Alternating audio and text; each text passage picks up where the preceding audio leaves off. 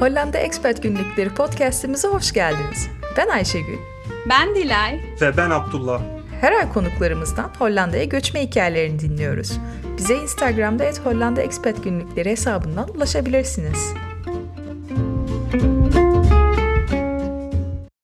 Evet arkadaşlar, sezonun son bölümü. Nasılsınız? Nasıl geçti bu ay? Ben iyiyim, teşekkür ederim. Siz nasılsınız?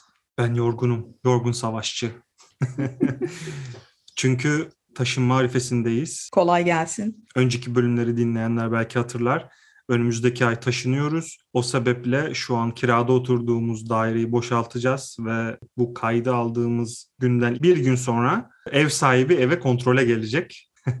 o yüzden işte bütün evdeki bozuk kırık çakık şeyleri düzeltmeye çalışıyoruz, temizlemeye çalışıyoruz ki 3 aylık verdiğimiz depozitomuz yanmasın diye. Yanmaz korkmayın ya bir şey olmuyor. Biz duvarlara ne çiviler çaktık ne neler deldik neler yaptık ve üstünü bile kapamadık. Depozitomuzu geri vermişlerdi. İçiniz rahat olsun da herhalde ev sahibinden ev sahibine değişebilir. Aynen. Bizim ev sahibi bizle ilk tanışmaya geldiğinde elinde iki tane sprey bir tane bezle geldi. Bunları kullanın başka marka kullanmayın benim evimde diye. Oo. Biraz titiz birisi ama Oo. iyi niyetli birisi. Üç senede hiç zam yapmadı kiramıza. O yüzden ortada anlaşabiliriz diye umuyoruz. Anlaşırsınız ya. Hani evin içine etmediğinizi düşünüyorum. Ben de öyle düşünmek istiyorum. Orası biraz tartışılır. Aslında bu kiralık evlerde kullanılan malzemeler hep düşük kalite. O yüzden de biraz hızlı deforme oluyor. Hmm, anladım.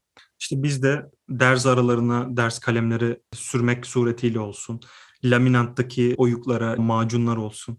Bayağı bir şey İşte öğren- mobilyalardaki çizikleri kapatan kalemler kullanmak suretiyle türlü hile ve hurda ile Kaliteli dolandırıcılık. evet kaliteli dolandırıcılığa giriyor artık yani resmi olarak. Bakalım hani günün sonunda ne kadarını kurtaracağız göreceğiz. Kolay gelsin. Sen ne yaptın Ayşegül? Bu ay tatil paraları yattı. Oo, onlardan Mayıs ayı. bahsedelim. Tatil paraları yattı. Çok mutluyum. Ee, çok fakir hissettim şu an pardon. Evet, neyse. Tatil planımız var. Temmuz'da Türkiye'ye gidiyoruz. Önce Bodrum sonra bayramda İstanbul'dayız. Şu an bunu dinleyen arkadaşlarım benimle görüşme planı yapmak isteyecekler. Ama eminim ki onlar da bayramda tatile gidecekler. O yüzden ben ailemle geçireceğim. Neyse yani bir Bodrum. Ben artık 3 yıldır deniz kenarı tatili yapmamıştım. İçimde kaldı. Bir, bir Bodrum yapacağım artık ya lütfen. Lütfen. Artık korona da geçti. Bir zahmet artık git Ayşegül ya yüz artık. Evet artık hani ayaklarımın fotoğraflarını çekeceğim. Instagram'a story atacağım böyle sularlı mularlı böyle geldi gitti. Su çok güzel gelsene yapacağım. O zaman biraz politik bir espri yapayım. Ayşegül tatile çıksın. Evet Ayşegül tatile çıksın değil mi? Evet evet Kıbrıs çıkarması. Ama Ayşe'yi de evet okey tamam. Sana özel edit yaptım Ayşegül'e çevirdim onu. Teşekkür ederim. Bunu hani de bilmeyen dinleyiciler olabilir. Ben de hemen referansı açıklamak istedim. Böyle dipnot düştüm ben de hemen. Evet. Açıklamaya ihtiyaç duymadan anlayan dinleyicilerimize de buradan selamlarımızı iletelim. Yeterince ya- yaşı olanlar. Bu bölümümüzde bu sezonun son bölümü neden diye soracak olursak Haziran ayı itibariyle ben doktoramın son 6 ayına giriş yapmış bulunuyorum. Aslında bu hani kontratımın son 6 ayı olarak geçiyor. Yani hani maaş alabildiğim son 6 ay. Sonrasında ucuya çık aldır artık Allah ne kadar sürede nasip ederse. İnşallah tabii gönül ister ki 4 yılda bitirelim mezun olalım ama şu anki gidişat en az bir, bir sene sonra sanki mezun olacakmışım gibi görünüyor. O yüzden böyle hani son 6 aya bir odaklanma e, olsun. İşte makaleleri yazmak olsun. Dilay da bana manevi destek olarak e, yardım sağlayacak tahminen. O yüzden e, önümüzde böyle e, uzatılmış bir yaz tatili planımız var. Doktora bitene kadar. O yüzden bu son bölümümüz olarak düşündük. E, bunun yüzü suyu hürmetine de bu ayki bölümümüzün konusunu da Hollanda'da doktora yapmak üzerine çekmeye karar verdik. Evet bu ay Abdullah'ın iş arkadaşını alacağız konuk olarak ama bayağı bir süreçte farklılıklar var. Aslında hani tek bir prosedür yok. Birden fazla yol, yöntem var. Kimisi çok uzun, meşakkatli yollarla geliyor. Kimisi denk gelen bir pozisyonla çok hızlı bir şekilde gelebiliyor. İşte kimisi koronaya takıldı, bayağı aylar sürdü gelmesi, bazısınınki iptal oldu. Yani biz de bir bölümde açıkçası bütün bu konuları kapsayabilecek bir tartışma yapacağımızı tabii ki de düşünmüyoruz ama hani en azından bir girizgah olsun. Belli başlı konuları konuşalım istedik. Arkadaşımızla benim doktora başvurum sürecinde de bazı farklılıklar var.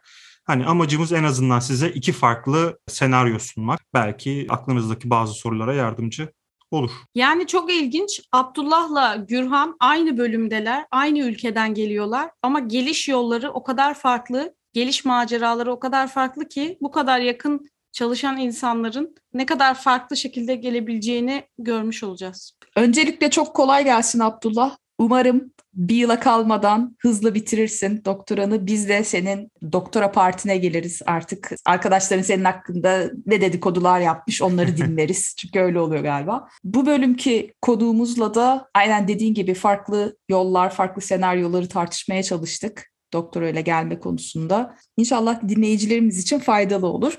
O zaman konuğumuza geçelim. Bu ayki bölümümüzün konu Gürhan Özkayar. Gürhan yaklaşık 3 yıl önce Hollanda'ya DAF Teknoloji Üniversitesi'ne doktora eğitimi almak için eşiyle geldi. Bugün onunla başvurular ve doktora sürecinde deneyimledikleri hakkında konuşacağız. Hoş geldin Gürhan. Nasılsın? Hoş bulduk. Teşekkür ederim. Sizler nasılsınız? İyiyiz. Teşekkür ederiz. Seni kısaca tanıyabilir miyiz? 2009 Başkent Üniversitesi Biyomedikal Mühendisliği tam burslu mezunuyum. 2009'dan sonra 3 yıllık bir süreçte öncelikli olarak 1,5 yıl boyunca özel bir e, şirkette Alper Medikal adlı bir firmada proje mühendisi olarak çalıştım. Firmanın özelliği anahtar teslim hastane projeleri yapmalarıydı. Biyomedikal mühendisi olarak lisans sonrası benim açımdan iyi bir çalışma ortamı sağladı. Daha sonraki süreçte bir yıl boyunca Astemen olarak orada görevimi yapmak zorunda kaldım. Sonraki süreçte ODTÜ Biyomedikal Mühendisliği lisans programına dahil oldum 2012 yılında.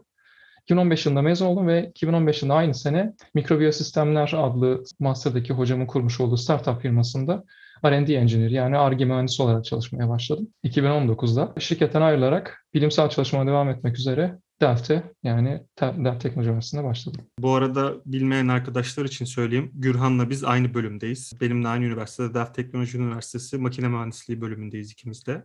Burada tabii departman isimleri biraz daha farklı. Normalde makine mühendisliği alanındayız biz ama burada yani hassasiyet ve mikro mekanizmalar diye tabir edebileceğimiz bir bölüm adıyla e, geçiyor bizim bölümümüz. İkimiz karşı karşıya ofislerdeyiz Gürhan'la. Koronadan önce çok sık karşılaşıyorduk. Koronadan sonra yarı home office'e geçmekten kaynaklı daha nadir görüşsek de en azından bu e, bölümümüze onu konuk alalım istedik. Ben de tekrardan sana hoş geldin diyeyim. Benim sorum doktora pozisyonu arama sürecini nasıl başladın, neler yaptın? Çünkü ben kendiminkini de düşünüyorum. Benimkisi biraz daha hızlı ve şey bir süreçti. Biraz da şans yaver gitmişti bende. Hani sen nasıl buldun buradaki bu üniversitedeki hocanı ya da bu projeyi? Onlardan biraz bize bahsedebilir misin? Bu arada Abdullah'ınki hakikaten nokta atışı oldu. Yani bir yere başvurdu o oldu. Beni de kandırmıştı öyle insanlar çok yere başvuruyorlar olmuyor falan filan diye ama senin bu konuda deneyimin nasıl oldu gerçekten merak ediyorum. Ben bu ARGE mühendisliği sürecim boyunca çalışırken aslında teknolog olarak çalışırken aynı zamanda birçok bilimsel eksik, eksiğimin olduğunu fark ettim. Ve bu yüzden doktora yapma gereği duydum. Ve e, bu doktoraya başlama sürecinde zaten aslında ben Türkiye'de ODTÜ'de doktorama devam etmekteydim. ARGE mühendisi olarak çalışırken. Ama Türkiye'deki yeterlik süreçlerinde yaşadığımız sıkıntılardan dolayı ben farklı bir doktora sürecine başlamayı tercih ettim ve Avrupa'daki üniversiteleri araştırmaya başladım.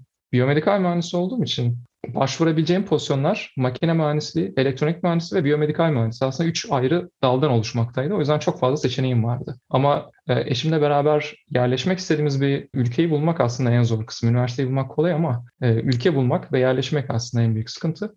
O yüzden biz seçeneklerimizi birçok seçenek arasından öncelikle Avrupa, daha sonra İngiltere ve Hollanda arasında iki seçeneği indirdik. Bu süreçte İngiltere'nin Brexit sürecinin yaklaştığını gördüğümüz için de Hollanda'nın en iyi tercih olabileceğini düşünerek ben aslında iki üniversiteye aynı anda başvurdum. 2018 yazında öncelikle Eindhoven ve ardından da Delft. İki ayrı pozisyon gördüm ve iki ayrı pozisyona da başvurdum aynı zamanda. Peki nereden buldun bu pozisyonları? Normalde ben scholarship db.net adlı bir PhD pozisyonları veya postdoc bulma pozisyonları adlı bir site var. Oraya subscribe olmuştum.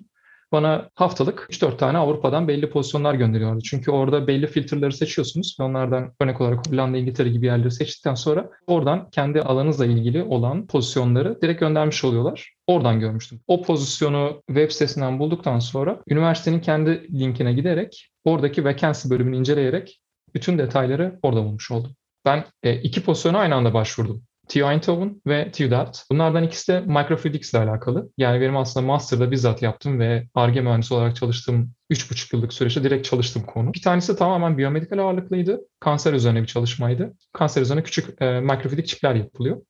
Diğeri ise şu anda çalıştığım konu olan mikrofluidik sistemlerin dışında bunların periferal diğer daha büyük device'ları var. Bunları küçültmek adı altında bir proje. E daha doğrusu minyatürize hale getirme e, projesi. Bunlardan ilk proje olan e, Eindhoven'daki proje aslında iki doktor öğrencisini aynı anda arıyordu. Bir tanesi hücreleri, kanser hücrelerini yetiştirecek biyolog bulma süreci.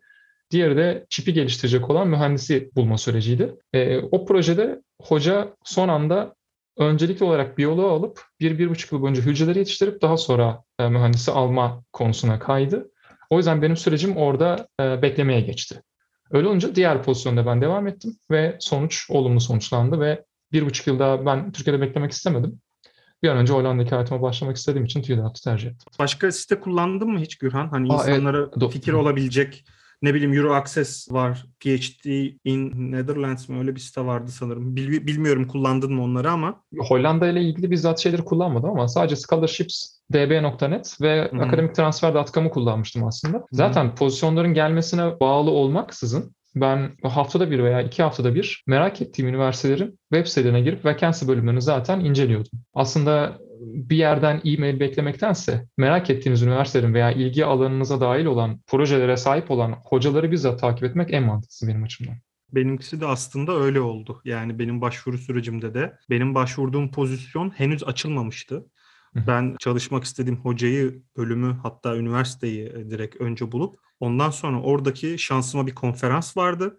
Ben bir şekilde konferansa geldim bir makale yazarak. Sonra burada sunumumu yaptıktan sonra direkt şu an çalıştığım danışmanıma yüz yüze tanışıp ona başvuru yap. Ve işte ilgi alanlarımı söyledim, bu alanlarda çalışmak istediğimi söyledim. Bana 3 ay sonra uygun bir proje oldu aslında ve hani benim ona uygun olabileceğimi, ilgilenip ilgilenmeyeceğimi sordular. Sonra da zaten süreç ilerledi. Yani aslında şunu çok sık duyuyoruz. Bizim bölümde de hala hocalar e, öğrenci almaya devam ediyor. Aslında ilk yaptıkları şey o pozisyonu açmaya gerek kalmadan o pozisyona birini almaya çalışmak. Çünkü o pozisyonu internete koydukları anda birincisi hem şeffaf yürüyor süreç, bütün dünyadaki herkese açılıyor başvurular. Hem uzuyor prosedür olarak hem de eleme kısmı çok uzun sürüyor. O yüzden Bunlar için de yorucu Evet, yani. onlar için de yorucu. O yüzden öncesinde hani hocalarla görüşmek, daha açılmadan bir pozisyonu mümkünse yakalayabilmek çok daha iyi bir şekilde hızlandırabilir sürecinizi gibi görünüyor. Katılıyorum. Çünkü şu anda benim arkamdan e, projenin belli bir kısmını devam ettirecek olan yeni bir PhD pozisyonu açıldı. Bu pozisyon açılmadan önce, daha doğrusu dünyaya duyurulmadan önce öncelikli olarak iç referans olarak TÜDAF'tan öğrenciler, master öğrencileri araştırıldı. Onların devam edip etmeyecekleri öğrenildikten sonra daha sonra bu projeyle ilgili çalışan PhD'lere soruluyor. Mesela bana direkt soru sormuşlardı. Hani Güran etrafında var mı senin gibi bir şekilde bu projeye engage olabilecek, çalışabilecek kişi diye bize referans olarak önerebilir misin demişlerdi. Buralardan bir sonuç çıkmadığı zaman öncelikli olarak hoca LinkedIn'de paylaşıyor ve arkasından zaten gerekli yerlere yayını koyarak paylaşmış oluyorlar. Yani en son çare olarak o. proje e, bütün dünyaya açık proje sitelerini konuyor. Ev muhabbeti gibi oldu bu da. Funda'ya düştükten sonra artık o iş eskimiş oluyor ya. Aynen. Şöyle, ben size ş- şöyle bir örnek vereyim. Ben Abdullah'ın süreci gibi bu e, aslında önceden tanışıp projeye girme konusu aslında en güzel konu. Ama ben bunu yaşayamam tabii. Türkiye'de olduğum için benim hocalarımın bağlantısı yoktu. Ben zaten özel sektörde çalışıyordum. Ki ben bırakıyorum ve doktora gidiyorum demek de aslında ciddi bir konu oluyor. Türkiye'de biliyorsunuz böyle. Hani ben gideceğim yurt dışına ne yaparsanız yapın dönmeyeceğim demek gibi şeyler biraz zor. Bu süreçte aslında ben o tam olarak şeffaf olan sürece girip daha sonra doktoram sürecinde hocama bizzat sormuştum. Yani benimle beraber kimler vardı? Hani kaç kişi başvurdu bu pozisyona? Yani değerlendirebilir misiniz dediğimde yaklaşık 90 kişinin başvurduğunu, bu 90 kişiden yaklaşık 10 kişiye yakınını seçip ilk Skype görüşmesini yaptıklarını ve bunlardan da ilk üçe indirip sayıyı bunlar arasında ikinci Skype görüşmesini yapmışlardı. Çünkü Hollanda'daki bazı projeler, birçok proje aslında şirketlerle bizzat collaboration yani işbirliği halinde yapılıyor. Benim projemde sadece bir şirketle e, %50 %50 anlaşma üzerine gerçekleştiriliyor. O yüzden ikinci Skype görüşmem benim direkt şirket temsilcisiyle olmuştu. Sonraki süreçte de zaten bu ikinci Skype görüşmesi yapıldıktan sonra büyük ihtimalle bu iki ya da üç kişiyi en büyük adayı bu sefer Hollanda'ya çağırıyorlar. Benim uçak masrafım ve otel masraflarımı karşılayarak Ağustos ayında başvurduğum süreç Kasım ayında benim Hollanda'da üniversitede bizzat gelecekteki araştırma grubuna sunum yapmam şeklinde sonuçlandı. Ve orada bütün görüşmeleri yaptıktan sonra yaklaşık 5-6 saatlik bir in person yani direkt yüz yüze olan görüşmelerin ardından birçok hocayla ve e, daha doğrusu PhD ve postdoc'la yaptığım görüşmeler sonrasında o zaman kontraktı bana teklif ettiler. Peki ilk mülakattan itibaren sen nelere dikkat ettin? Sana neler sordular? Nasıl hazırlandın? Bununla ilgili verebileceğin trikler, tüyolar var mı? Aslında çok güzel bir soru. Bu birinci ve ikinci Skype görüşmelerim sırasında iki ayrı sunum hazırladım. Bana zaten pozisyonu açan hoca e-mail ne yapmam gerektiğini belirten bir e-mail göndermişti. Bu e-mailde 5 slide'lık bir sunumla kendini bize anlatır mısın? Birinci slide için Why Hire Me adlı bir başlık atarak kendimi tanımlamıştım. İkinci Skype görüşmemde Research Profile adlı bir başlık attım. Ve daha çok e, çünkü şirket temsilcisi orada olduğu için ona daha çok ben bu PhD'ye ne kadar uygunumu tekrar anlatmanın başka bir yoluydu bu. Üçüncüsü de in-person görüşme yani Hollanda'da birebir yaptığım hocalarla olan yüz yüze görüşmem bir günlük bir full proses. E, bu sabah 9'a başlıyor ve akşam 3'e 4'e kadar devam eden bir süreçti. Projeyle alakası olmayan hocalarla bile sırf benim master sürecimi veya ARGE mühendisliğindeki yaptığım çalışmaları merak ettikleri için 30 dakika ile 60 dakika arası değişen görüşmelerde yaptım. Sen tabii normal başvuru üzerinden geldiğin için şu an anlıyorum kendiminkiyle karşılaştırıp bayağı ince eleyip sık dokunmuşlar. Yani ben de iki tane Skype görüşmesi yaptım. Bunlardan bir tanesi projemdeki iki tane hoca, bir tane de bağımsız bir hocaydı, üç hocayla. İkinci görüşmem de projede beraber çalışacağım arkadaşım, diğer PhD olan öğrenci ve bir tane ofisten başka biriydi. O da hani daha resmi olmayan soruları sorabilmem için işte orada hayat nasıl, kaç para para veriyorlar falan gibi. Hani daha böyle gündelik yaşama yönelik sorularımı sorup hocalarla ilgili belki onlara onlarla konuşamayacağım konuları sormam için ikinci bir toplantıydı. Sonra beni Hollanda'ya falan çağırmamışlardı. Direkt kabul almıştım ben. Hani buraya direkt göçmeye gelmiştim. Ama dediğim gibi bu sanırım hani öncesinde beni görmüş olmaları konferansta ve ben lisansımın sonunda buradaki daily supervisor'ımla zaten bir makale yazmış olduğum için hı hı. onun referansına güvendikleri için ben senin bu anlattığın şeylerin çoğunu atlamış olduğumu mesela şu an fark ettim. Demek işte buradan hani dinleyenlere de bir fikir olsun. İlk önce kaleyi içeriden fethetmeye çalışın. O zaman e, çok daha az prosedürlerle ve daha hızlı ilerleyebiliyor süreç. Yoksa Gürhan'ın da anlattığı gibi yani o 90 kişiyi geçebilmeniz gerekiyor. Şansınız çok daha zorlaşıyor. Yani aslında CV ile ortalama 80 kişi geçebiliyorsunuz ama sonraki süreç aslında sizin Skype kapasitenize ve networking gücünüze bağlı, e, social interaction'ınıza bağlı. Orada işler değişiyor. Kendinizi nasıl aktarabiliyorsanız o kadar aslında o candidate'ler arasında, adaylar arasında yükselebiliyorsunuz. Evet. Yoksa yani 20 tane yayın basmış olsanız bile kendinizi iyi ifade edemedikten sonra hiçbir anlamı kalmıyor hocaların gözünde. Özellikle Hollanda'ya başvuru süreçlerinde. Dediğine katılıyorum. Ben yüz yüze görüşmüş olmama rağmen mülakatta sanki beni hiç tanımıyorlar gibi bütün makalelerimi tek tek sordular. Benim görüşmemde en çok önem verdikleri şey makale ve tezimdi. Bayağı benim tezimi açtırıp sayfa numarası verip burada şöyle demişsin, bunu nasıl çıkardın, bunu literatürde nasıl buldun? Bayağı altlarını çizip bana sorular sordular yani tezimden, master tezimden. O yüzden yani benim kendi bölümde, mekatronik bölümündeyim ben. Öncesinde birkaç konferansa katılmış olmam ya da bir journal makalesi yayınlamış olma çok büyük artı sağlıyor. Çünkü sizin öncesinde bu işleri yapabildiğinizi görüyorlar ve daha da önemlisi yaptığınız işin bağımsız taraflar tarafından da onaylandığını görebiliyorlar. Yoksa e, bir sürü tez var yayınlanan ama o tezin içeriğine güvenemiyorlar. Ancak bir makale şeklinde yayınlanırsa hakemli bir dergide ve de ancak o zaman onlar hani daha güvenilir hissediyorlar o adayı alma konusunda. Aslında başvurduğunuz ülkenin tanınırlığı da önemli bilimsel olarak. Bunlar en büyük zorluklardı. Ben şöyle söyleyeyim, e, Hollanda'ya gelmeden önce sanırım yine bizim departmanda ata keşkeklere beni sormuşlar. Daha doğrusu beni değil de ODTÜ'yü evet. sormuşlar. Yani normalde hani ODTÜ deyince herkesin Türkiye ve çevresinde bildiği bir üniversitedir ama Hollanda'da ODTÜ iyi mi diye soru sordukları da olmuş. Buna da şahit olmuş olduk Hollanda'da. Evet biz hep yaşıyoruz. Yani ayda bir e, hocalara gelen başvurularda eğer Türk biri olursa ben varım mesela bir tek Türk bizim e, ofiste.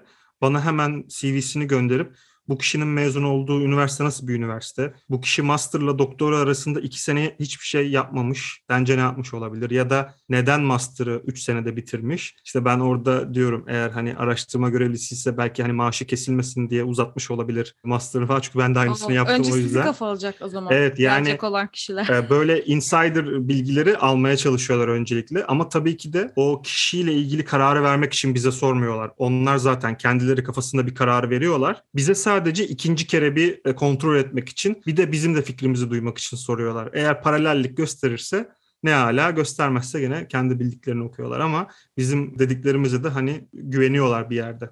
Kesinlikle. Yani özellikle yayınınız varsa zaten tabii ki o yayın açıp üzerinden konuşulabiliyor. Ee, yayın yoksa da ya dediğin gibi master tezleri benim de yüz yüze görüşmemde bağımsız bir hoca master tezimi açarak belli bir kısmı bana direkt sormuştu teori bölümünde. Sanırım kendisi de ilgi alanıymış. Tamamen benim başvurduğum projeden bağımsız olmak üzere o konuyla ilgili oturup yarım saat boyunca master tezimi açıklamak zorunda kalmıştım hocaya. Gürhan ben sizin göçtüğünüz zamanı az buçuk hatırlıyorum. Abdullah söylemişti işte Türk birisi gelecek yeni falan diye. Hatta eşiyle gelecek dedi. Sonra bir şeyler olmuştu falan. Tam hatırlamıyorum o dönemleri ama Reşit Perinaz da seninle birlikte göçtü. Senden biraz sonra göçtü diye hatırlıyorum ama onun buraya gelme süreci nasıl oldu? Çalışma izni ya da bürokratik süreçlerden biraz bahseder misin? Tabii ki. Hollanda'ya göçme sürecinde partneriniz var mı yok mu diye soru soruluyor. Bunun sebebi de eğer partneriniz varsa onun için de vize çıkartılıyor. Aynı şekilde sizin üzerinizden çalışma vizesini kendisi almış oluyor aslında. Partner iki çeşit aslında yani hani eşiniz olabilir e, resmi olarak ya da kız veya erkek arkadaşınız da olabilir. Yani herhangi bir kişi de seçip Hollanda'ya benim partnerim diyerek e, getirebilirsiniz.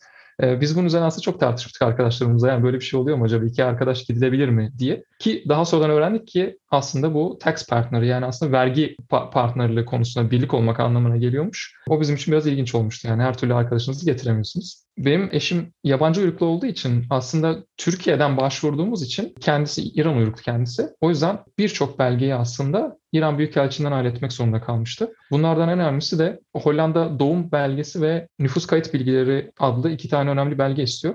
Bunları Büyükelçilikten kişiler direkt alamıyorlar. Çünkü bu aslında her ülkenin kendi İçişleri Bakanlığı'na ait bir şey. O yüzden kendi ülkene dönüp o belgeleri oradaki İçişleri Bakanlığı'ndan alıp daha sonra gelip Türkiye'den tekrar başvurunu gerçekleştirmen gerekiyor. İş iki Türkiye'lidense aslında bir yabancı bir Türkiye'li olduğu zaman biraz daha meşakkatli oluyor ne yazık ki. Ben Mart ayında başladım. Ee, eşim Mayıs ayında katıldı bana. Normalde vizeniz çıktıktan sonra 3 aylık bir süreniz var ülkeye girmek için. Benim direkt kontrakt başlangıcımda zaten vizem başlamış oluyor. Ve bu 90 gün içinde partneriniz de istediği zaman gelip katılabilir size. E, orada şöyle bir detay var. Doktoranız başladıktan 3 ay sonra gelmek zorunda değil. Siz partnerinizi buraya getirmek için başvurduktan sonra partneriniz için vize çıktıktan 3 ay sonra en geç gelme hakkı Oturum var. çıktıktan sonra. Evet çünkü benim örneğimde mesela ben Ocak'ta gelmiştim buraya ama Dila'ya daha sonra başvurduk buraya gelmesi için. Onun vizesi de Haziran'da çıkmıştı. Yani o Haziran'dan itibaren 3 ay gelme hakkı vardı ama o direkt Haziran'da gelmişti mesela. Doğru. Bu, bu önemli bir konu. Çünkü aslında iki yol var. Partnerinizle beraber ortak başvurabilirsiniz ya da partneriniz daha sonra başvurabilir. Ama vizesi yani o vize geldikten sonra 90 günlük süre içinde Hollanda'ya giriş yapmak zorunda. Ya. Bu konu zaten aile birleşimi adı altına geçiyor. O yüzden Hı. aile birleşimi en kolay iş. Yani ben geliyorum, eşim de gelmek zorunda. O yüzden geldi oluyor. Ama e, yani partneriniz de aynı zamanda farklı bir işe başvurursa gelmeden önce ve kabul alırsa onun için de bütün işler en baştan bağımsız olarak kendisi için işliyor. Çünkü o zaman o ekonomik olarak ayrı bir kişi olarak buraya göçmüş oluyor. Siz onun sponsoru olmuyor oluyorsunuz. Evet. İki ayrı paralel süreç işliyor orada. Evet benim oturum kartımın arkasında Abdullah'ın adı yazıyor. Hiçbir yere gidemem. Aynen. Ee, bir sene sonra seninkinin arkasında bizimkiler yazacak gibi olacak. Aynen. Aynen. Bizim doktoralar Ben- bitince e, bizi buradan şutlayacaklar. Biz de Dilay ve Perinaz'ın sayesinde Birisi- onlar bizim sponsorumuz olacak. Bir süre işsizlik maaşıyla beraber üzerinizden geçmiş olacağız. Evet. PhD süreci yani doktora süreci Hollanda'da öğrencilik değil. Bu, bunun, bunun üzerine çok e, sık vurgu yapılıyor. Aslında biz burada PhD student değiliz. PhD kendi değiliz. Daha doğrusu PhD researcher da diyebiliriz aslında. Araştırmacı modundayız çünkü kendi kontraktımız var üniversitelerle. Evet bu soru çok geliyor. Ne kadar para ödememiz gerekiyor doktora yapmak için? İşte master ve doktorada ücretler yüksekmiş diyorlar. Hani o konuyu bir açıklayalım. Burada doktora yaptığınız zaman aslında işe girmiş oluyorsunuz ve maaş alıyorsunuz. Aynen öyle. Gürhan sen geldin, eşini de getirdin. Geçtiğimiz yıllarda danışmanınla olan ilişkin nasıldı? Program nasıl işledi? Neler geçti başından? Şöyle söyleyebilirim. Da- aslında danışman dediğimiz zaman benim üç tane danışmanım var. Bir tanesi e, daily supervisor yani günlük danışman. Diğeri promoter yani aslında size gerçekten PhD verecek, hak edip hak etmediğinize karar verecek olan kişi. Üçüncüsü eğer bir şirketle e, ortak işbirliği varsa proje içinde o da company advisor yani aslında şirket danışmanı olarak görev yapıyor. Eğer onun da aynı zamanda bir üniversitede yine pozisyonu varsa O da daily supervisor değil ama advisor adı altında böyle dışarıdan, üniversite dışından advisor olarak sürece dahil olabiliyor. Benim danışmanlarımın ikisi Hollandalı, biri Hintli. Daily Supervisor'ımla haftada bir görüşüyorum. Promoter'ımla iki haftada bir görüşüyorum. Bu company e, advisor'ıyla da 3 ay veya 6 aylık de, değişen süreçlerde, karar verdiğimiz süreçlerde görüşüyoruz. Projeyle ilgili genel bilgiler veriyoruz aslında. Master öğrencileriyle ve bachelor yani lisans öğrencileriyle ayrı ayrı aslında proje bazında veya proje dışında işler yürütmekteyiz. Kendi projeniz için yardımcı master öğrencileri bulabilirsiniz. Bu çok faydalı bir süreç. Yılda bir tane master öğrencisini sizinle beraber çalışması için ayarlayabilirseniz harika olur. Ama yılda birden fazla olursa ki benim son senemde şu anda yaşadığım gibi iki tane master öğrencisiyle aynı anda uğraşırsanız bu süreç biraz daha zorlu oluyor. Yani burada teaser market diye bir şey oluyor. Ee, siz kendi projenizde çözülmesi gereken sorunları bir proje başlığıyla yayınlıyorsunuz. Master öğrencileri bu markette elma armut seçer gibi bunlardan seçip PhD'lerden proje topluyorlar ve kendilerine mezuniyet projesi arıyorlar. Neyse benim konu herhalde çok ilgilerini çekmiş. 6 tane öğrenci yazdı. Artık transkriplerini falan istemek zorunda kaldım eleme yapmak için. Hani en böyle motivasyonlu ve işe en uygun olabilecek 3 tanesiyle şimdilik yola devam edeceğiz gibi görünüyor. Yani şöyle oluyor. Siz o kişiye danışmanlık yapıyorsunuz tezi boyunca. Normalde mesela Türkiye'de direkt hoca aslında master öğrencilerini de supervise ediyor. Ama burada doktor öğrencileri daha çok genelde onların daily supervisor oluyor en azından. İki haftada bir mesela ben toplantı yapıyorum. Ayda bir benim hocam ancak o master öğrencileriyle hani görüşüyor gibi. Benim sürecimde master öğrenciyle ben haftada bir görüşmek zorundayım. İki haftada bir de benim kendi daily supervisor'ım görüşmüş oluyor. Master süreci bir artı bir yıllık bir süreç. İlk yıl e, eğitim süreci tamamen dersler alıyorlar ve laboratuvarlara giriyorlar. İkinci yılda da tamamen bağımsız proje bitirmek zorundalar. Ve bu bitirme projeleri aslında bitirme tezleri tamamen genelde doktora yapan kişilerin kendi tez bölümlerinden bazı chapter'lar olabilir mesela. Bunu eğer bu şekilde ayarlayabiliyorsanız harika. Doktora söylediğiniz için çok faydalı bir süreç oluyor. Ama dediğim gibi birden fazla kişi aynı anda yönetme zorunda kaldığınızda iş biraz daha meşakkatli oluyor. Bir de Abdullah'ın bahsettiği gibi BEP projeleri de var. Bu aslında lisans öğrencilerinin e, bitirme projeleri. Bu konuda da ben sadece bir proje grubuyla çalıştım. Üç tane e, lisans öğrencisiydi ve onların da yine aynı şekilde daily supervisor'larını yaptım. Ama süreç çok rahat işledi. Çünkü genelde yapılacak şey bir prototip ortaya çıkartmaktı. Ve süreç 6 aylık bir süreçti ve çok hızlı bir şekilde gerçekleştirdiler. Çok da başarılı oldular. Dediğim gibi öğrencilerle ilişkiler genelde proje bazlı veya laboratuvarda asistanlık yapmakla geçiyor. Ben iki yıl boyunca arka arkaya kendi daily supervisor'ımın bir master dersinin laboratuvar asistanı olarak çalıştım. Sadece bahar dönemleriydi. Ama yeteri kadar yine üzerinize yük oluyor aslında normal çalışmanızın yanında. Ama bunlar zorunlu bu arada. Çünkü sanırım hatırladığım kadarıyla kontraktınızın yüzde 20'si olması lazım. 20. Emin değilim. %20. Ee, akademik olarak bir şekilde lecturer veya laboratuvar asistanı olarak bir şekilde hocanızla beraber akademik hayatı idare ettirmiş olmanız lazım research ek olarak. Aslında şimdi master öğrencilerinden bahsettik. Ee, hani o konuda bana çok farklı geliyor buradaki öğrenci profilleri. Sana onu sorayım Gürhan. Yani Türkiye'deki öğrencilerle ve hocalarla olan ilişkileri yine buradakini kıyasladığın zaman nasıl farklar görüyorsun? Bu da güzel bir soru. Aslında zor bir soru. Türkiye ile kıyasladığım ben Türkiye'de ODTÜ'de bir araştırma grubunda çalışıyordum ve doktora, master öğrencileri ve postdoklar iç içiydi. Buraya geldiğimde kendi master öğrencilerimle beraber çalışmaya başladığımda onlarla bir arkadaş olmanın dışında aslında onları direkt yönlendiren bir advisor olmanın, danışman olmanın getirdiği bazı sorumluluklar ve yükümlülükler var. Bunlar ilişkiyi biraz daha etkilemiş oluyor aslında. Ee, arkadaşça yaklaşıyorsunuz ama aslında birçok şeyi beklemiş oluyorsunuz. Onlara görev vermek zorundasınız. Belli taskler belirliyorsunuz. Çünkü bu tam anlamıyla bir proje yönetimi işi ve belli bir oranda kendi işinizi onlara yaptırmış oluyorsunuz aslında. Master öğrencilerin de sizin projenizin bu kısmını önemli görmeleri lazım ki kendi tezlerini yazabilsinler. Bu aslında zorlu bir süreç benim açımdan baktığım zaman. Diğer kısım aslında doktoranın kendi zorlukları var. E, master öğrencileriyle iletişimden veya danışmanlarla iletişimden daha çok Abdullah'ın bahsettiği şey konusu var, e, otonomi konusu. Türkiye'deki süreçte genelde hocalar projeyi belirledikten sonra bütün proje yönetimi kısımlarını kendileri yapıyorlar. Testleri belirliyorlar. Daha sonra kim ne kadar çalışacak, ne yapacak, sana kimler yardımcı olacak bunların hepsi belirlenmiş bir hap gibi doktora yapan kişiye böyle sanki önceden tanımlanmış olarak veriliyor. Ama Hollanda tamamen otonomiye önem veren bir e, sisteme sahip. Bu aslında scientific culture, aslında bilimsel bir kültür farklılığı Türkiye ile Hollanda arasında gördüğüm gözlemlediğim. Bu benim için doğal olarak ilk başta çok zor oldu. İlk bir yılda zaten e, doktora sürecinde bir go no go denilen aslında yeterlik süreci var. Bu aslında ilk 12 aylık süreçte istediğiniz zaman da yapılabilir. Yani 6 ay ile 12 ay arasında hocalarınızın belirlediği bir dönemde. Benim için 9. ayda gerçekleşti. Birçok kişi için 11 veya 12. ayda genel olarak bu yeterli giriş süreci yapılıyor. Go no go yani ya devam ediyorsunuz ya da etmiyorsunuz. Bu şey değil. Hocalarınız sizi doktordan atıyor gibi bir süreç değil. Yeterli değilsin artık gidebilirsin. Seninle devam etmiyoruz değil. Siz de kendiniz karar verebiliyorsunuz. Bu doktora süreci bana uygun değil. Yollarımızı burada ayırmak istiyorum deyip e, güzel bir şekilde aslında doktorayı bırakabilirsiniz. Resmi bir çıkış kapısı sunuyorlar aslında. Tamam Aynen mı öyle. devam mı gibi. Oradaki Kesin. go eve mi yoksa? Yok go devam Go, et. go Hani, devam. aynen no go sıkıntı.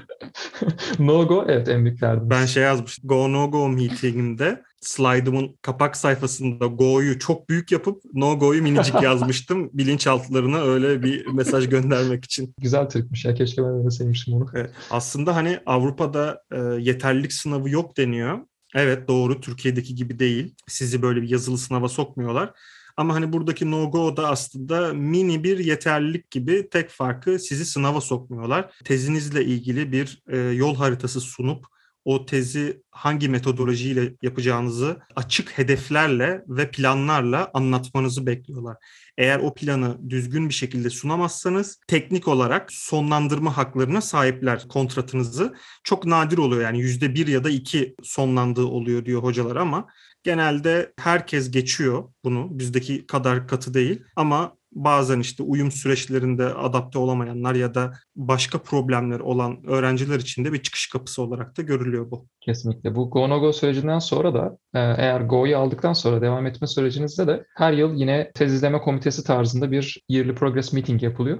Ve bu e, meetinglerde aslında projenizin hangi aşamada olduğunuzu beraber tartışıyorsunuz. Daha ötesi yoksa herhangi bir, bir doküman dolduruyorsunuz ve bu dokümanı sisteme ekliyorsunuz ve işlem burada bitmiş oluyor. Ama teknik olarak yine o dokümanda aslında bir unsatisfactory kutucuğu da var. Tabii ki de hani e, yani gene aynı şeyi söyleyeceğim. O toplantıda siz sürpriz bir sonuç duymuyorsunuz. O toplantının öncesinde zaten gidişattan bazı şeyler anlaşılıyor. O sondaki o toplantıdaki tikler, imzalar sadece işi resmiyete dökme kısmı. O yüzden eğer süreçte siz olumsuz bir şey duymadıysanız o toplantıdan da olumsuz bir şey çıkmıyor. Evet bunu 3 sene önceki kendine söylemek ister miydin? İşte ama yine de insan o toplantıya girerken de heyecanlı oluyor. Ben demek isterdim. Ben Gonogo'da çok büyük stres yaşamıştım. Sanki yeterlik hakikaten giriyorum ve atılırsam hiçbir şey olmayacak hayattan geri döneceğim Türkiye'ye falan. Yani hani her şeyi topladık geldik buraya. Böyle bir strese kapılmıştım. İki ay falan kendime değildim. Ama bittikten sonra da bu muymuş dedim yani hani. Çünkü sadece planlarınızı anlatıyorsun. Project management'ta ne kadar iyiyseniz o kadar. Research question'ınızı iyi belirledikten sonra gerisi geliyor zaten. Hatta bu şey geyiği de var burada. Go, no go meetingden sonra yaşanan bir deep probleminden bahsediliyor. İnsanlar hani o stresten kurtulduktan sonra birden boşluğa düşüyorlar. Artık hani e, ne yapacağım? Hani research'e geri dönmekte zorluk çekiyorlar diye. Çok güzel bir örnek. Tam benim Go No Go'm bitti. Ben bir ay Türkiye'de tatile gittim. Döndüğümde korona başladı. Hadi bakalım. Ben ben Deep'i tam olarak görmüş oldum aslında orada. Yani Go'yu aldım ama evde oturarak sadece simülasyon yapmaya başladım. İkinci yıl benim için o yüzden çok çok zorlu geçti. Hatta üçüncü yılım dahil buna. Çünkü Covid iki yıl sürdüğü için ortalama. Bu süreç gerçekten eğer e, projeniz tamamen pragmatik olarak ilerliyorsa yani deney çalışmalarına bağlıysa ve bir prototip gerçekleştirmeniz gerekiyorsa çok büyük zorlayıcı süreçlerle karşılaşabilirsiniz. Ben bunları zor atlattım. Üçüncü yılımın sonunda şu anda dördüncü yılımda her şeyi daha yeni rayına koyabildim. E, yayınlarım yeni yeni başladı yapılmaya.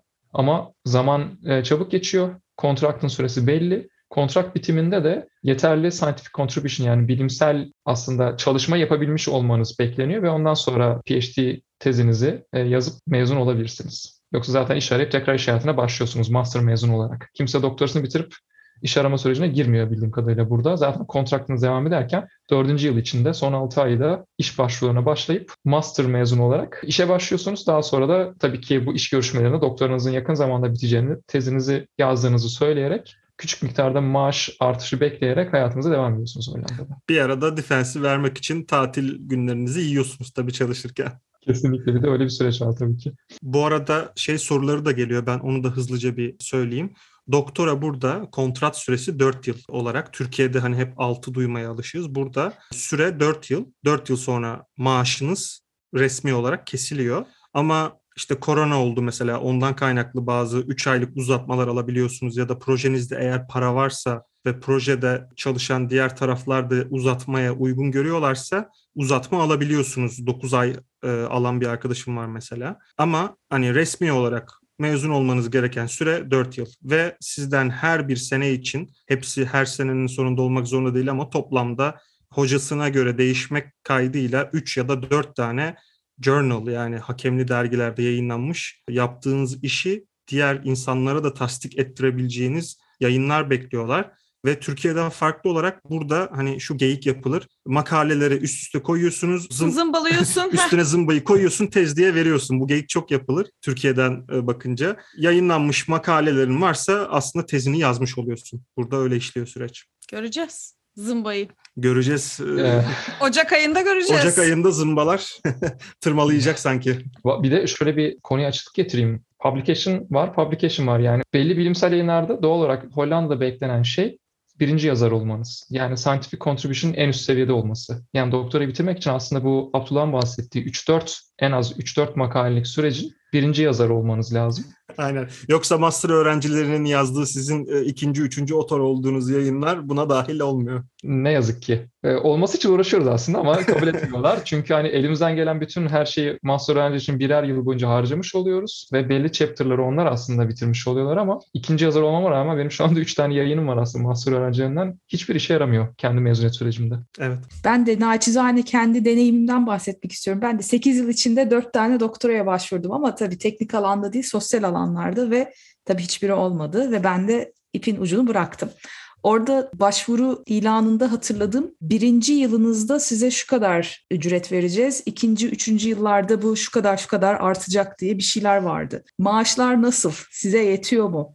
İki kişi gelince geçinebiliyor musunuz? Bu hani biraz da maddi tarafından e, bakalım işe nasıl oluyor? Ee, şöyle açıklık getireyim. Bir akademik scale var. Bu akademik scale'da aslında en düşük seviyedesiniz. İsmi de Hollandaca promovendus diye geçiyor. Normalde doktoraya başvururken görmüş olduğunuz rakamlar brüt maaşlar. Bu, bunlardan belli vergi oranları kesildikten sonra elinize geçen net miktar çok daha düşük olacağı için ama Hollanda dışındaki bir ülkeden daha doğrusu 150 ya da 200 kilometrelik bir sanırım bir distance bir mesafe süreci vardı. Uzak bir ülkeden geliyorsanız o zaman %30 ya da şu anda onun adı değişti sanırım %35 diye geçiyor. Vergi indirimi, tax advantage diye bir süreç var. Ondan yararlanıyorsunuz. Böylece brüt maaş aynı olmasına rağmen elde etmiş olduğunuz net maaş biraz daha fazla oluyor lokallere göre. Buradaki Hollanda'da doktora yapan Hollandalılara göre. Bu aslında tabii ki adil bir süreç olmuyor Hollandalılar açısından baktığımızda. O yüzden çok fazla doktora yapan Hollandalıyı göremezsiniz hmm. üniversitelerde.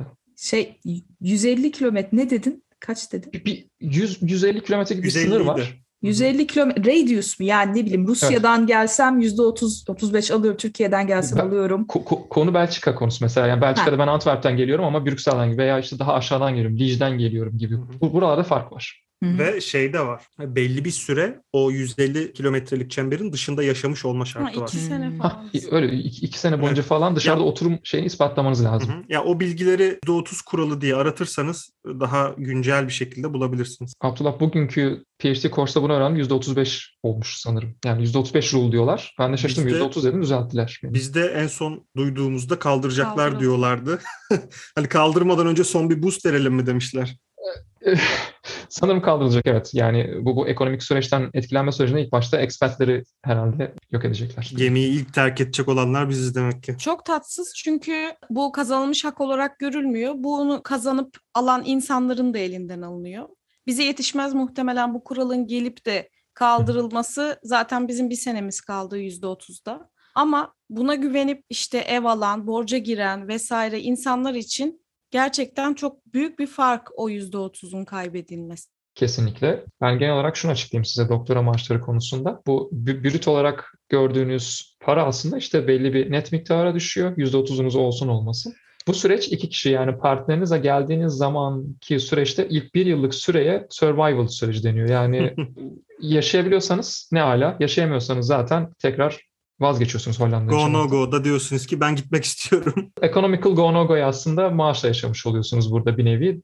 Test ediliş şekilleriniz farklı. Hem teknik açıdan hem de sosyoekonomik açıdan da aslında test edilmiş oluyorsunuz. Bu süreç eğer partneriniz bu süreçte çalışmıyorsa e, doğal olarak toplam maaşınızı ev kirasına oranladığınız zaman oran eğer %40'ın üzerindeyse öyle bir oran vardı hatırladığım kadarıyla 40 veya 50 civarı olduğu zaman aslında geriye sadece yiyecek içecek parası kalıyor. Kemer sıkma politikasına giriyorsunuz. Kesinlikle. Kemer sıkma politikası oluyor Ee, ama partneriniz de işe başladığı zaman ki bizim gibi olduğu süreçte bu çok daha fazla bir anda iki kat veya iki buçuk katına kadar çıkabiliyorsunuz. Çünkü zaten doktora maaşı düşük maaş olduğu için partneriniz direkt endüstriye başlarsa çok daha farklı bir maaş skalasının içine girmiş oluyor. Bu, bu kesinlikle pozitif bir destek olmuş oluyor sizin sonraki planlarınız için. Daha Evet. pe- tabii bir de şeyler var bunun üstüne. Hadi kirayı diyelim hallettik. Sağlık sigortası biniyor bir de iki kişi için üstüne. Derken derken zaten kuş kadar bir para kalıyor ayın sonunda. Ben şeyi hatırlıyorum. Dilay yazık geldiği zaman marketlerin indirim şeylerini kovalıyorduk biz onunla beraber. Hani indir Aynı, de- aynı süreç. Evet hani Bir de- indirime girsin de alalım diye bazı ürünleri falan. Bu arada maaşlarla ilgili verdiğim bu bilgiler tamamen bizim alanımızla alakalı aslında. Çünkü e, mühendislik alanında biz doktoraya başladık ve genel olarak diğer ülkelerle kıyasladığımız zaman benim şimdiye kadar duyduğum kadarıyla Hollanda'da bütün doktora maaşları aynı diye biliyorum. Bu devletin genel sağladığı bir sistem. Ama küçük farklılıklar olur mu? Herhangi bir bilgim yok. Bunu da dipnot olarak geçeyim istedim. Bu, bunu direkt başvurduğunuz hocalarla veya bölümdeki üniversiteyle direkt HR departmanıyla iletişime geçip onlarla bizzat tartışabilirsiniz. Bir de şöyle bir durum var. Bence bundan da bahsetmek iyi olur. Üniversitenin e, yurt dediğimiz yani kendi evleri var. Onların da fiyatları normal bir ev kiralamaya göre çok daha uygun. Bu doktoranın ilk senesinde eğer bulabilirseniz şu anda çok büyük bir ev problemi var Hollanda'nın genelinde ama eğer bulabilirseniz büyük bir kolaylık sağlıyor. Fakat ona da bir sene kalınabiliyor diye biliyorum. O da yani ikinci sene go no go'dan sonra yeni bir survival sürecine giriliyor. Evet Gürhan'ın zaten böyle bir deneyimi var. Sanırım sen bayağı ev aramıştın. E, Okulunkini bulamamıştın. Airbnb'de kalmıştın. Evet, ben e, Hollanda'ya gelmeden önce 3 aylık vize sürecimde zaten yani Duo aslında bu Hollanda'daki öğrenci evlerini kontrol eden sistem. Duo ile iletişime geçtim ama bana dediler ki partnerli evimiz yok. Yani bir artı bir e, sistemde evimiz ne yazık ki yok Mart ayındaki başlayacağınız süreçte. Size yardımcı olamıyoruz. Dedim peki o zaman tek kişilik bir eve çıkayım. Hani belli bir 3 ay kalayım. Daha sonraki süreçte tekrar geçeyim. Yani Hollanda'da beklemiş olayım. O da yoktu. Yani benim sürecimde tam olarak e, Duo'dan yani bu öğrencilere ayrılan evlerden hiçbir şekilde yararlanamamış oldum. O yüzden Airbnb'den bir ev tuttum bir aylık süreçte. Gelip kendim burada Funda'dan veya Pararius'tan ev arayıp Pararius'tan daha sonra Schiedam'da ev bulmuştum. Schiedam aslında Rotterdam'ın dibinde bir şehir, küçük bir şehir. Delft'e yine yakın. 15-20 kilometrelik bir alan içinde. Direkt trenle rahatlıkla gelebiliyorsunuz. Yani aslında Hollandalılara söylediğim zaman bisikletle niye gelmiyorsun diye çok soru duydum. Benim için bisikletle birkaç kere denedim. O gün çalışamadım. O yüzden bisiklet foldable bike yani katlanabilir bisiklet aldım. Onunla trene gidip 5 dakikada trenle Delft'e geçip yine katlanabilir bisikletimle üniversiteye geçiyordum. Bu benim için en güzel çözüm olmuştu o süreçte. Ama Duo evleri dediğiniz gibi çok ucuz. Yani sanırım 600 ila 900 euro arası değişiyor. 1 artı 0 veya 1 artı 1'ine göre değişiyor. Ama iki kişilik bir eve daha sonra daha büyük bir eve çıkmak istediğiniz zaman hiç olmazsa bir odamız daha olsun. Yani 2 artı 1 mi olsa, 1 artı 1 daha bir iyi bir ev olsa, daha iyi bir mahalleye mi taşınsam dediğiniz zaman kiralar 1500 euro ve üzerini bulabiliyor. Ama bunu tabii ki mortgage'daki ev ödeme oranlarıyla kıyasladığınız zaman tabii ki bu da ayrı bir konu. E, Şu an bir de artık Duo falan sanırım hayal oldu. Çünkü sürekli bize mesajlar geliyor. Evet. Üniversite içinden de. Hı hı. İşte e, başvuru yaptık. Ev yok. E, iki ay sonra işte master ya da doktora başlayacak. Nerede kalacağız? Okula soruyorlar. Okul diyor ki üzgünüz bilmem kaç kişilik bekleme sırası var diyor. Yani Daha bugün konuştum Housing'le. Toplamda başvuran kişi sayısının yüzde kırkını karşılayabiliyorlarmış. Yani yüzde altmış ne yapacak bilemiyorum. Doktora sonrası için planların neler? Hollanda'da kalacak mısınız? Akademik bir devam edeceksin? Nasıl bir gelecek görüyorsun? Doktora sonrası planlar aslında doktora bitirmeden önce hepsinin belirlenmiş olması lazım. Bunu supervisorlarınız da sizden beklemiş oluyor aslında ve o konuda yardımcı olmak istiyorlar. Bu çok güzel bir e, konu aslında. Zaten doktora yaparken e, özellikle bildiğim kadarıyla teknik üniversitelerde bir de belli oranlarda PhD kurslar, PhD dersleri alıyorsunuz. Bunlar üç aşamadan oluşuyor. Bazıları transferable, bazıları research skill, bazıları da e, discipline related skills diye geçiyor. Her biri farklı konular üzerine odaklanmış durumda.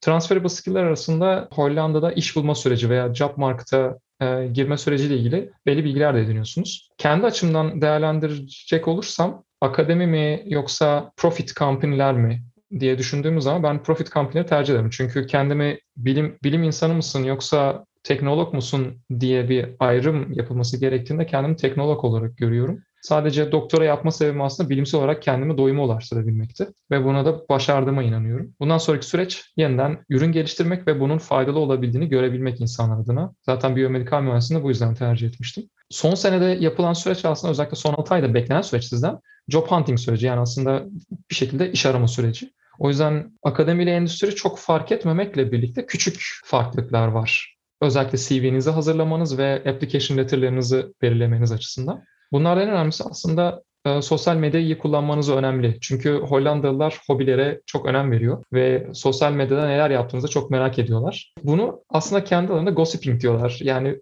hobi sormak iş görüşmelerinde aslında bazı yerlerde tercih edilmiyor ama Hollanda'da çok tercih edilen bir şey ve sizin ne kadar sosyal olarak topluma entegre olabildiğinizi gösteren şeyler. Bak Abdullah podcast yapıyorum hani toplumda iç, kesinlikle entegre çok oldum faydası. diye. Yani bu expat hemen, günlükleri çok çok faydalı kesinlikle. Hemen bu... hemen gidip LinkedIn'ime yazayım. Tabii ben yazdım. Ben daha önce makaleleri yazmam lazım şeyden önce. Adamlar diyecek hani makaleler nerede diyecek. Podcast yapacağına otur makale yaz diyecekler bana. Peki iş aramaya başlayacağını söyledin. Bu çalışma hayatını Hollanda'da mı görüyorsun sonrasında da? Evet Hollanda'da görüyorum. Çünkü şimdiye kadar yaşadığım bu iş hayatı süreci veya settling down denilen buraya alışma, entegrasyon süreci aslında çok da rahat ve kolay oldu benim açımdan. Aynı şekilde eşim açısından da o şekilde. O yüzden düşündüğüm zaman hani başka ülkelerle kıyaslarken zaten Hollanda'yı baştan tercih etmiştik. Bu tercihimize de yanılmadığımızı görmüş olduk aslında bu 3-4 yıllık süreçte. Umarım bundan sonra da böyle bu şekilde iş hayatına burada devam edip hayatımızı burada, kariyerimizi burada yönlendirmiş oluruz. Gürhan teşekkür ederiz cevapların için.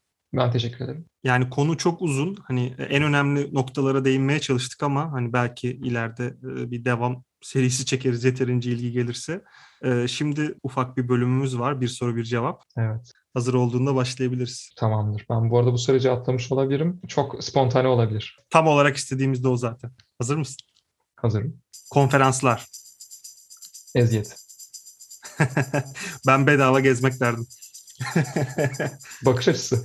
Major revision ya da majör revizyon. Aylar. Zoom toplantıları. Huzur. Bölümün ay sonu içki akşamları. Devam ettiğine sevindim. Latek. Kolaylık. Ve son olarak TÜ Delft kampüsü. Teknoloji. Teşekkür ederiz Gürhan cevapların için. Çok keyifli oldu benim açımdan da. Sağ olun. Bizim için de öyle oldu. İyi ki geldin. Çok sağ olun. Siz de iyi ki varsınız ki böyle böyle bir görüşme yapabildik. Çok harika oldu. Ayşegül bu arada seninle tanışmana çok memnun oldum. Aynen ben de çok memnun oldum. İyi ki geldin. Tanıştık. Gürhan en önemli soruyu soruyorum. Hazır mısın? Tabii ki. Tez zamanında bitecek mi? Zaman göreceli bir kavram. Kime evet. göre, neye göre? Hocana da bu şekilde açıklarsın artık. Sizlere çok teşekkür ediyorum beni burada ağırladığınız için. Umarım verdiğim bilgiler faydalı olabilmiştir merak edenler için burada doktora yapması. Hollanda Expat günlüklerini dinlediğiniz için çok teşekkür ederiz. Bizi Spotify'da takip etmeyi, Apple Podcast'te de puanlamayı unutmayın. Bir sonraki bölümümüzde görüşmek üzere. Hoşçakalın.